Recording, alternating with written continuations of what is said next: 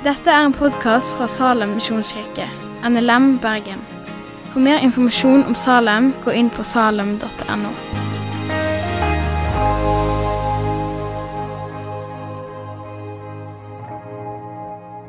Ja, da får jeg vel introdusere meg sjøl. Anders heter jeg. 30 år fra Bergen. Har gått her i Salem i fast i seks år nå, cirka. Så lenge jeg har kalt det min menighet, iallfall. Og vært innom litt sånn regelmessig i løpet av livet, egentlig. Kjekt å kunne um, stå her og tale. Så vet ikke helt om det er lov å si, men akkurat når du står på scenen, så var det litt deilig at det ikke var flere folk her i dag òg. Men veldig kjekt å se dere. Eh, bare begynne med å be litt. Kjære far, eh, takk for gjengen som har kommet her i kveld. Takk for eh, at vi får lov å samles tross uh, korona, tross alt sånn. Takk for at du velsigner oss med et uh, kirkebygg og et vi kan være trygge. Så um, ber om at jeg må for, formidle det du ønsker i dag, Herre, og legge kvelden i dine hender. I Jesu navn. Eh, den siste tiden så har vi hatt taleserien 'Følg meg' her i Salem. Så kveldens tale eh, den skal handle om mer praktiske disipliner eller praktiske øvelser for å vokse i kristenlivet. Så det blir en litt mer sånn vitnesbyrdaktig tale um, enn hva resten av taleserien har gjort. Men med det sagt så ønsker jeg alltid at uh, ja, hvis jeg skal tale, eller noen andre taler for den saks skyld, at talene skal være rotfestet i Bibelen. Uh, så det meste av det jeg kommer til å snakke om i dag, blir jo hentet fra Bibelen. Men så er det enkelte livserfaringer man gjør seg, uh, som ikke man nødvendigvis finner svart på hvitt i Bibelen, men som jeg har tatt med likevel. Men det er litt sånne ting vi kommer tilbake til. Og så må det nevnes noen ting. Dette er ikke en tale om på en måte fem ting man må gjøre for å bli frelst. eller Det har ikke noe om frelsen å gjøre, men det handler om hvordan vi kan vokse tettere på Gud. Og det er viktig å, å understreke. Eh, for enten altså Hvis du følger Jesus fra før, og enten du går ut herfra og tenker at du har fått mye ut av dette, eller om du tenker at dette var en wasted halvtime, så er man like frelst likevel. Det har ikke noe med, med det å gjøre. Eh, og det er heller ikke liksom ting dere må gjøre, eller handler ikke om ting dere må gjøre for å være en god kristen heller. Og når jeg fikk eh, temaet av Kristian, så følte jeg meg litt sånn som en hykler. For det er jo ikke alt her jeg sjøl klarer å gjøre i hverdagen. Eller det er ikke alle disse tipsene jeg liksom klarer å, å følge sjøl. Men det er likevel litt godt å få litt sånn tips og påminnelser, særlig hvis man føler man står litt i ro i kristenlivet. Eh, og for all del hvis man føler en sånn nærhet til Gud som man aldri har følt før heller, så kan det òg være godt med litt, eh, med litt tips om ja, øvelser for å vokse enda, eh, enda nærmere. Og så er det sånn at eh, det er Gud som eh, gir vekst. Så vi kan jo søke Han og vi kan eh, be til Han, men hvis man ikke får bønnesvar med en gang, så vær tålmodig likevel. Og ja, om det er noen her som ikke er kristen, så håper jeg at dere får noe ut av talen likevel. Um, nå kommer ikke ting til å være sånn helt i prioritert rekkefølge, men først ut så vil vi snakke litt om bønnen. Og i første eh, Tessalonikerne, kapittel 5, vers 16-18, så står det Vær alltid glade. Be uavbrutt. Takk Gud under alle forhold. For dette er Guds vilje med dere i Kristus Jesus. Og Bønn kan høres veldig basic ut, men jeg tror det ligger eh, veldig mye i dette. Og For mange så kan det være vanskelig å be. Noen vet ikke helt hva de skal be. Noen tenker at du må be på en spesiell måte for å, å be riktig, sånn at det nesten blir en prestasjon.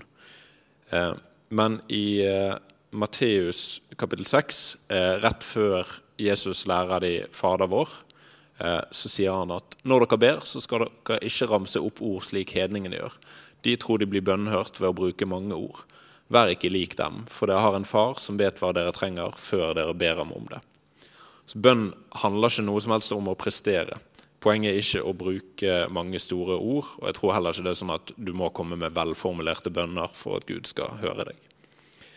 Men jeg tenkte likevel å komme med litt sånn praktiske tips rundt dette med bønn og bønnevaner. Um, og Jeg hørte en gang et tips om at hvis du syns det er vanskelig å be, hvis når du setter deg ned og skal be, så føler du kanskje blir overveldende uh, og sliter litt med det, um, så kan du prøve å sette på en timer på mobilen. For eksempel. Sett på ett minutt eller to minutt, at klokken skal ringe om det. Og så tenker du at i det ene minuttet eller i de to minuttene så skal jeg be, og så gir jeg meg når alarmen ringer.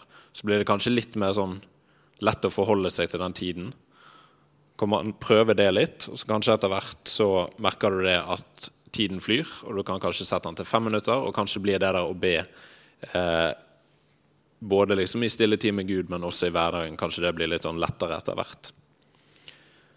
Et annet tips som en god venn av meg kom med, det er å få inn en vane om å takke Gud for tre ting hver dag. Eh, det kan bidra både til at du sjøl får et mer sånn takknemlig hjerte, eh, men eh, det er òg en øvelse i å liksom takke Gud gjennom hele dagen i hverdagen. da. Eh, men å takke, ting, eh, takke, Gud for tre ting hver dag, enten starte dagen med det eller gjøre det på kvelden. sånn at ja, Jeg tror mye av det med å etablere vane handler om at du òg må gjøre det til et ca. samme tidspunkt da, hver dag. Men at det kan være en fin øvelse eh, for å få et litt mer takknemlig hjerte. Og så har jeg en kompis som er leder for en husgruppe. Og I denne husgruppen så er det en som eh, har på alarm på mobilen klokken halv ti hver kveld. Så når den alarmen ringer, så vet han det at nå skal jeg be for husgruppen min. Og så er jo ingen kvelder like, så av og til så ringer alarmen, og så må han skru den av, og så glemmer han å be. Men det er iallfall en sånn påminnelse eh, som hvis han ellers i hverdagen egentlig hadde glemt å be for den husgruppen, så får han en påminnelse der på kvelden. Og disse tingene det er tips til å innarbeide seg vaner. Så Det første tipset det handler jo litt om en øvelse i å be, men de andre tingene det er litt sånn som begynner som øvelser, men som etter hvert vil eh, ja, bli en helt naturlig ting. da. Ting som vil bli vaner. Og så er det ellers bare viktig å huske at Gud eh, hører bønnene våre. For det er mange som kanskje syns det er vanskelig å be fordi de tviler litt på hva hjelper det egentlig. Noen ting kan jo være veldig overveldende å be om. Eh, men Bibelen er full av løfter om at Gud hører bønnene våre, og full av løfter om hva som skjer når vi ber. Eh, så vær tålmodig og hold ut i bønnen, tror jeg. Så forhåpentligvis vil dere se mer og mer av at Gud hører deres bønner jo mer dere prøver å be. Og ellers, Hvis man syns det er vanskelig å be, så finnes det nok av eh, ferdigformulerte bønner i Bibelen. Både i Salmenes bok og i andre bøker. Og så er en oppfordring til eller kanskje både en oppfordring og en utfordring til kjærestepar og ektepar. Det å øve seg i å be sammen. Og For noen så har de kanskje en uh, sånn vane fra før av. Kanskje dette er naturlig, og det er jo helt sjef. Um, men for andre så kan det virke unaturlig. Men jeg tror det har en stor verdi i å gjøre dette. For dere som er single, så uh, kan dere tenke at dette er noe dere vil ta med inn i et fremtidig forhold. Eh, for nye kjærestepar så kan jeg anbefale å gjøre dette her eh, fra begynnelsen av. Etablere en god vane tidlig.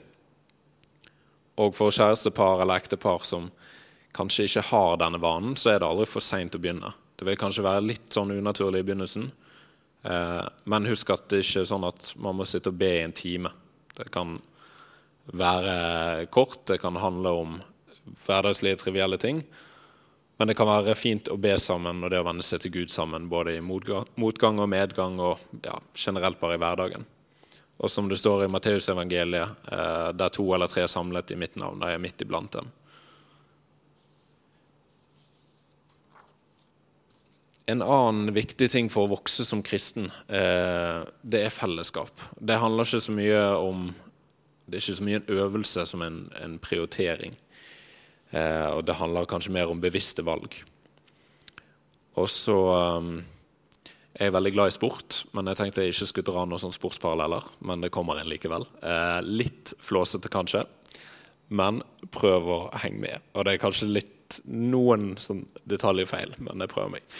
Eh, men på 80-tallet så var det en gjeng som eh, drev med alpint. Eh, en gjeng, kaller jeg de, men norske landslaget da, på 80-tallet de ehm, Det var en gjeng som trente, men de var ikke sånn var ikke for seriøse. Altså På treningsleirer så var ikke de fremmed for å stikke i baren etter trening og, og ta noen øl.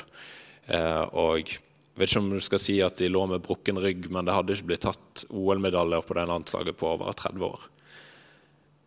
Eh, blant de karene på det landslaget så var en som heter Ole Kristian Furuseth.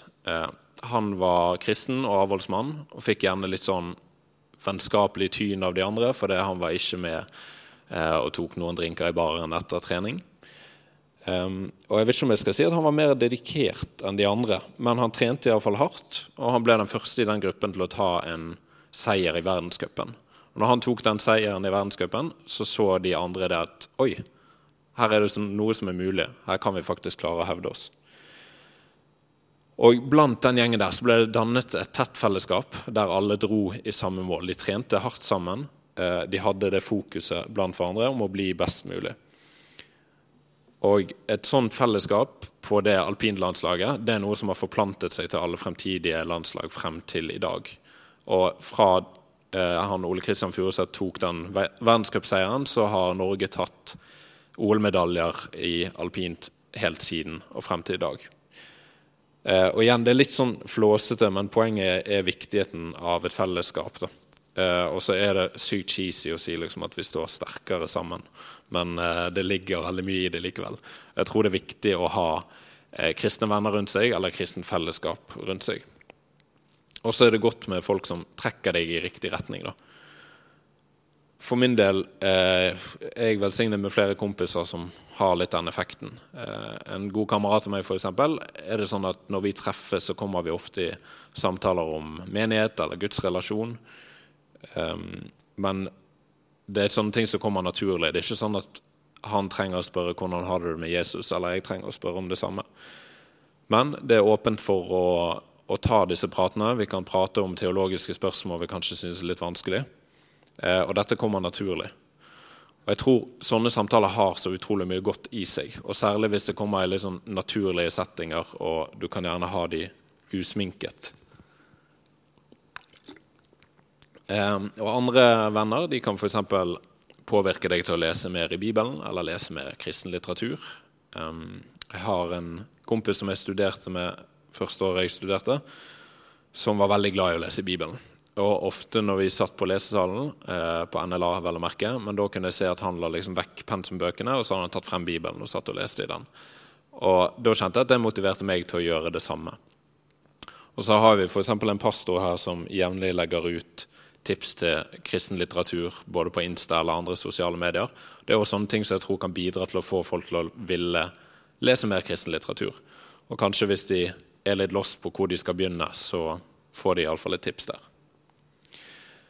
Og så eh, må vi ta en liten pause der, for jeg kan si mye om eh, kristne venner og kristne fellesskap osv. Eh, men ikke misforstå det med at jeg tenker at kristne kun skal henge med kristne.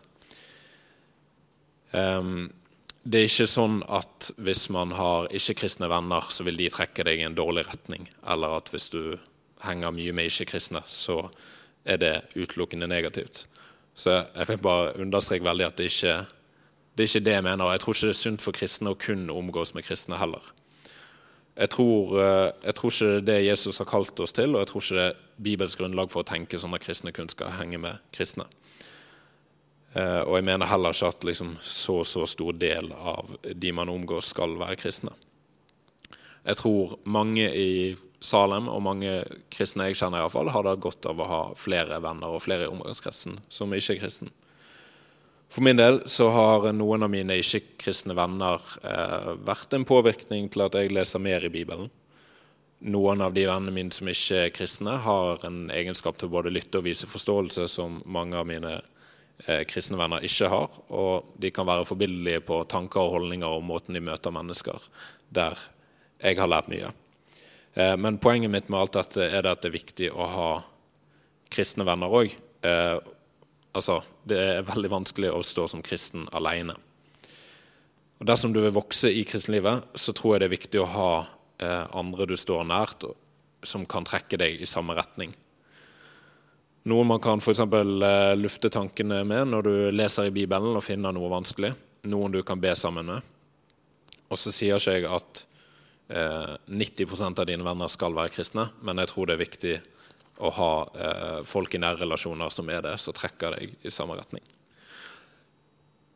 I Hebreerne kapittel 10, vers 24-25, så står det La oss ha omtanke for hverandre, så vi oppgløder hverandre til kjærlighet og gode gjerninger. Og la oss ikke holde oss borte når menigheten vår samles, som noen har for vane. La oss heller oppmuntre hverandre, og det er så mye mer som dere ser at dagen nærmer seg. Jeg vil understreke litt denne viktigheten av eh, det å gå i en menighet, og det å ja, litt videre på dette med å ha et kristen fellesskap. Eh, og av og til så føler vi kanskje ikke at Gud er så nær. Eh, men en oppfordring til likevel komme i kirken. Eh, noen personer, eller av og til kjenner man på at man har for mye synd i livet, og kanskje kjenner på en sånn nesten skam for å gå i kirken. Kom i kirken likevel. Eh, hvis man eh, eh, Man kan se på andre retninger innenfor kristendommen, f.eks. utenfor etiopisk, etiopisk ortodokse kirker. Så kan man finne mange som står utenfor kirken og ikke våger å komme inn. Og noen står til og med utenfor porten og tør ikke engang å gå inn der, fordi de føler seg ikke verdig. Noen eh, Noen syns kanskje det er vanskelig å gå i kirken fordi de ikke føler seg gode nok, eller fordi de er redd for å bli dømt av de andre her. Men det er jo nettopp de kirken er for.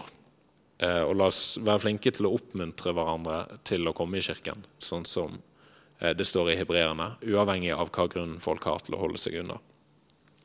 Men i tillegg til å ha en menighet, så eh, vil det anbefales å samles i litt mindre fellesskap òg i en smågruppe, husgruppe, bibelgruppe, life-gruppe, cellegruppe. Ja, kjært barn har mange navn. Um, men sånne grupper de har litt sånn ulik format og litt ulik fokus. Men det er til felles at det er Jesus som står i sentrum. Og hvis det er noen her som ikke går det, eller ikke har noe erfaring med det, så vil jeg anbefale å enten bli med en, eller iallfall bare teste det ut og se hva det går i. Her kan man komme med spørsmål, diskutere ting ut fra Bibelen, eh, dele liv, be sammen, kanskje lovsynge litt sammen. Og For min del er jeg veldig glad i sånne mindre fellesskap, og jeg tror det har betydd mye for mitt kristenliv. Så er det iallfall sånn for de av oss som uh, har gått i Salem Ung, eller går i Salem Ung, så er det føler jeg iallfall det er litt typisk at man hører talen, og så er møtet ferdig, og så setter man seg ned og spør hva har du gjort i helgen, eller hva syns du om fotballkampen i går, osv. Um, det er ikke ja, Det er kanskje litt terskel for deg å sitte og ha dype samtaler der, men det er selv om det ikke er noe galt i å gjøre det der. Men uh, sånne ting er det mye lavere terskel for å gjøre i en bibelgruppe eller i en husgruppe. Litt tettere fellesskap. Og sånne grupper det kan jo man gå i selv om man ikke er kristen, for den saks skyld. Eh, men hvis man bare er litt nysgjerrig på hva det er. En, eh, ja, en annen sånn fin ting med det, det det å ha tette venner som er kristne òg. Merket f.eks. når jeg skulle skrive denne, denne, talen, er det at jeg henter mye inspirasjon fra folkene rundt meg. Det er veldig mye tips og triks jeg får høre av venner som jeg kanskje ikke hadde kommet på sjøl. Og det gjelder jo selvfølgelig ikke kun når du skriver en tale, men det gjelder jo ting å ta med seg i hverdagen generelt. Neste jeg har skrevet opp, det er Bibel og bibellesning. For jeg tror bibellesing er helt uh, essensielt for å vokse som kristne. Og så er det noen som er mer glad i å lese enn andre. Men um, så er jo det sånn at Bibelen heldigvis finnes på lydbok for de som ikke er glad i å lese i det hele tatt. Um, men det mange kan slite med, det er å få inn litt rutiner når det gjelder det å lese Bibelen. Jeg tror det er viktig å få en rutine som passer deg. For mange så er det denne eh, morgenrutinen. At mange morgenfugler som skryter om at det er så herlig å lese Bibelen til frokosten, eller å sitte der med kaffekoppen og ha god tid til Bibelen. Og det har jeg fått høre siden jeg var 15 iallfall. Eh, og for et B-menneske som meg, så funker ikke det en plass. Eh, om morgenen så er jeg litt sånn småforvirret, litt stresset fordi jeg har pushet det så lenge jeg kan å komme ut av sengen. Ikke noe sånn frokost, ikke noe sånn sette seg ned med kaffekoppen, men det er liksom kortest mulig tid fra ut av sengen til jeg er ut av døren. Og sånn tror jeg ikke jeg er aleine om. Men eh, det som har funket for meg, det er å lese litt i Bibelen på bussen på vei til jobb om morgenen. Da har jeg kviknet litt til, og så ja, er det ikke så mye bedre ting å gjøre på på bussen, for å være ærlig. Eh, det er kanskje ikke sånn optimalt, men du får iallfall en god start eh, på dagen. Hvis den morgenrutinen funker for deg, så er det gull. Hvis du er en sånn som har god tid om morgenen, kjør på. Eh, mens for andre så er det kanskje best å sitte og lese på kvelden. Sant? Når, når eh, roen senker seg, og det er stille, men du likevel er opplagt, så er det mange som eh, ja, har en veldig fin rutine der. Men det å lese til, eh, til sånn ca. samme tid hver dag, eller punkt på dagen iallfall, eh, det tror jeg hjelper med å etablere en vane. Og så kan det være vanskelig å, å se liksom hvor skal man begynne å lese. Det kan jo være litt overveldende. Men et godt tips er å, å få, for det første få inn en vane om å lese litt hver dag. Og da er det bedre å lese et vers om dagen, eller innstille seg på å lese et vers om dagen, enn å lese en hel bok om dagen. Eh, og så forhåpentligvis så vil du få en større lyst til å lese, og den vil vokse etter hvert. Eh, og så finnes det mange ulike bibelleseplaner som gir deg tips til ting å lese. Og den eh, bibelappen eh, som heter YouVersion, f.eks., er full av gode bibelleseplaner. Ellers så eh, Selv om Bibelen er det viktigste, så finnes det mye bra kristen litteratur. Eh, her er det bare å spørre andre om anbefalinger. Og Kristian spesielt eh, har mange gode tips til de som eh, er ute etter det. Og her òg finnes det lydbøker for de som ikke er så glad i å lese. Og sånn eh, nesten apropos lydbøker. Eh, Podcaster, utrolig fin ting. Det kan man ha når man går på tur. Eh, noen kan sitte og høre på det på jobben, sitte og høre på det på bussen, eller hva som er naturlig. Eh, kanskje ikke liksom optimalt når du er på joggetur og hører på en tale, men det er litt eh, sin smak. Eh, for min del så har jeg brukt eh, koronatiden til å pusse opp.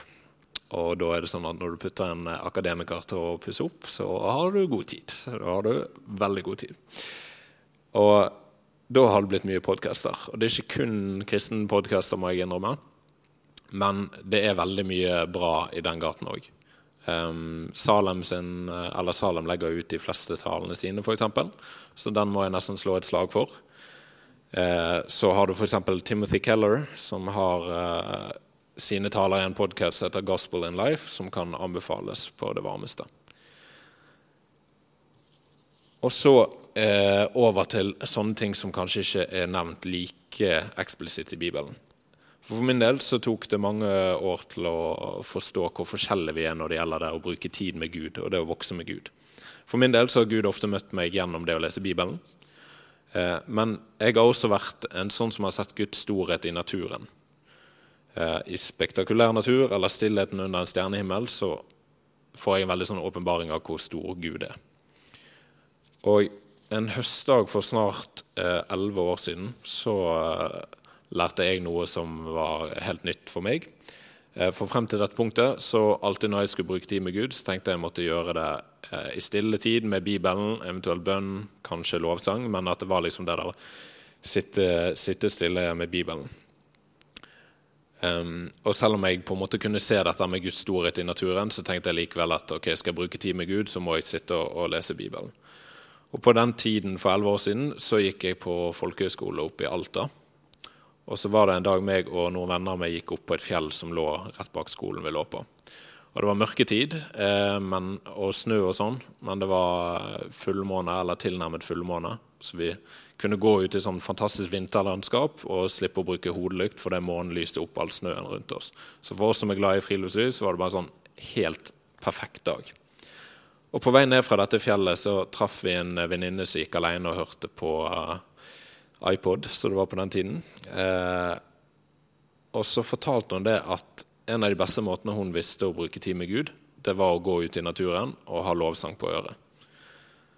Og for min del så eh, Jeg hadde jo vært veldig opptatt av det der å sitte i ro og lese Bibelen. Eh, så dette var både liksom veldig kult og veldig uvant på en gang. Men jeg fant ut det ligger jo definitivt noe i det. Eh, men så er det jo ikke sånn at alle møter Gud i naturen. Det tok det meg òg noen år å forstå. Eh, det er andre som møter Gud på, møter, på måter som ikke gir meg noe i det hele tatt. Um, forrige søndag så nevnte f.eks. Kristian at han er hobbyteolog, som han kalte det. Og nå skal ikke jeg tilegne han noe han ikke har sagt, men jeg vet at det er mange som møter Gud gjennom å sitte og gjøre sånne teologiske dypdykk i Bibelen. Sant? Se gjerne på hva sier grunnskriften om denne, dette, eller hva er det greske ordet for det og det. Og så møter de Gud på en, på en måte der og kan se liksom hans storhet i det.